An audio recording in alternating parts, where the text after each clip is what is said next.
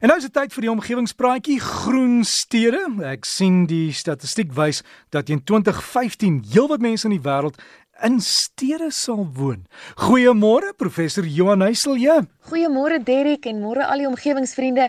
Nou ja Derrick, soos jy gesê het, gesels ons vanoggend oor groen stede. Siende dat eerskomende Woensdag, 31 Oktober, Wêreldstededag is of soos die Verenigde Nasies in Engels verwys World Cities Day en hierdie dag deur die VN ingestel is met die doel om te besin oor hierdie groot uitdagings van ons stede veral as dit kom by verstedeliking en die groei van die stedelike bevolking en om dan bietjie te dink oor hoe ons hierdie toenemende ontwikkelingsdruk kan akkommodeer in so 'n mate dat ons stede volhoubaar kan wees. En is al vordering in terme van groenbeplanning en word die omgewing in ag geneem en wie monitor dit?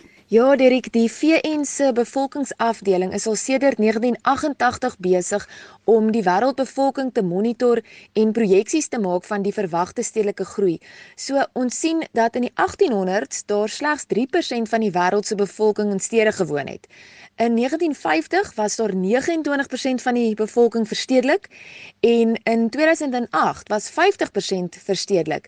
En dan nou, soos jy sê Derrick, die VN verslag van 2018 voorspel dat in die jaar 2050 daar 68% van die wêreldbevolking in stede sal woon. So tans groei stede met 1.3 miljoen mense per week. En dis dan nou ook die rede waarom stede tussen 60% en 80% van die wêreld se globale energie verbruik en waarom wêreldstede verantwoordelik is vir 70% van die koolstofdioksied vrystellings. I mean dis volgens die verslag van die C40 stede. So terselfdertyd beteken dit en hierdie bevolkingsgroei in stede dat daar klem geplaas word op behuisingsvoorsiening vir die groeiende stedelike bevolking en dat die groen en die natuurlike areas in ons stede in baie gevalle ontwikkel word om dan nou voorsiening te maak vir hierdie behuising. So stelselmatig begin die natuurlike en die groen areas uit ons stede verdwyn en begin die probleme in stede vermenigvuldig in terme van hoër stedelike temperature, swakker lugkwaliteit, meer geraasbesoedeling, meer natuurrampe en uiteindelik 'n swakker kwaliteit van lewe vir die stadsbewoner. So Wêreldstededag vra dan die vraag: Hoe gaan ons volhoubare stede beplan en voorsiening maak vir hierdie weeklikse toename van 1.3 miljoen mense en dit op so 'n manier doen dat ons nie ons natuurlike omgewing vernietig nie? En een van die antwoorde is dan dat ons moet oorgaan na groen stede. En ons sien nog ons binne die stads- en streeksbeplanningswêreld hoe groen stede al hoe meer populêr word. So groen stede is omgewingsvriendelike stede. Stede wat 'n aktiewe benadering volg in die stryd teen klimaatsverandering en teen besoedeling en wat dinge implementeer soos herwinningsprogramme, fietsrybane, gemeenskapsparke en energiealternatiewe.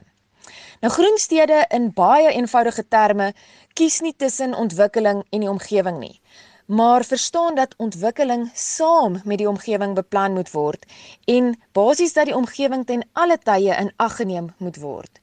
Dit maar hierdie is nogal 'n uh, kopskuif wat binne ons huidige beplanningsrealiteit moet plaasvind en waar ons anders gaan moet dink oor ontwikkeling en oor die omgewing. En professor moet ons sosiale druk uitoefen sodat groen ontwikkeling die nuwe normaal word.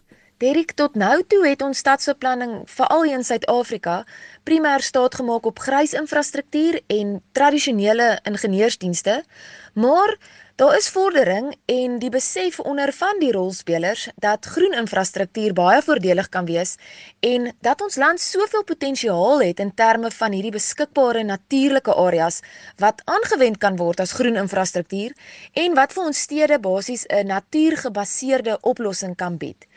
Maar wat ons ook sien is dat ons meer opleiding sal moet verskaf in hierdie areas van groen infrastruktuur en van natuurgebaseerde oplossings en van eko-ingenieurswese. En dat dit moet deel vorm van die raamwerk en ook die vereistes waar volgens stede beplan moet word. So die Nature of Cities webwerf, nou dis 'n webwerf wat ek nogals graag volg, het 'n artikel geplaas van Dr. Kajar van die Indiese Instituut vir Menslike Nedersettings.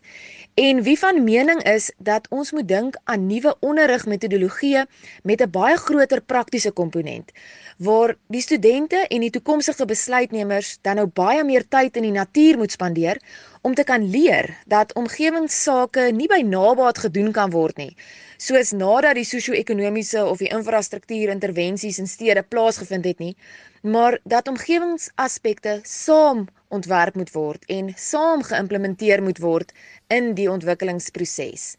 Dit impliseer natuurlik dat ons owerhede en ons besluitnemers bewus gemaak moet word van hierdie langtermynvoordele van omgewingssensitiewe beplanning of aan die ander kant alternatiefelik moet hulle bewus gemaak word van die prys wat ons almal sal betaal indien ons nie omgewingssensitief beplan nie. So dring aan op daai groen komponent as jy dalk weer 'n kennisgewing teen 'n boomiewer sien van 'n nuwe ontwikkeling en vra al die groen vrae.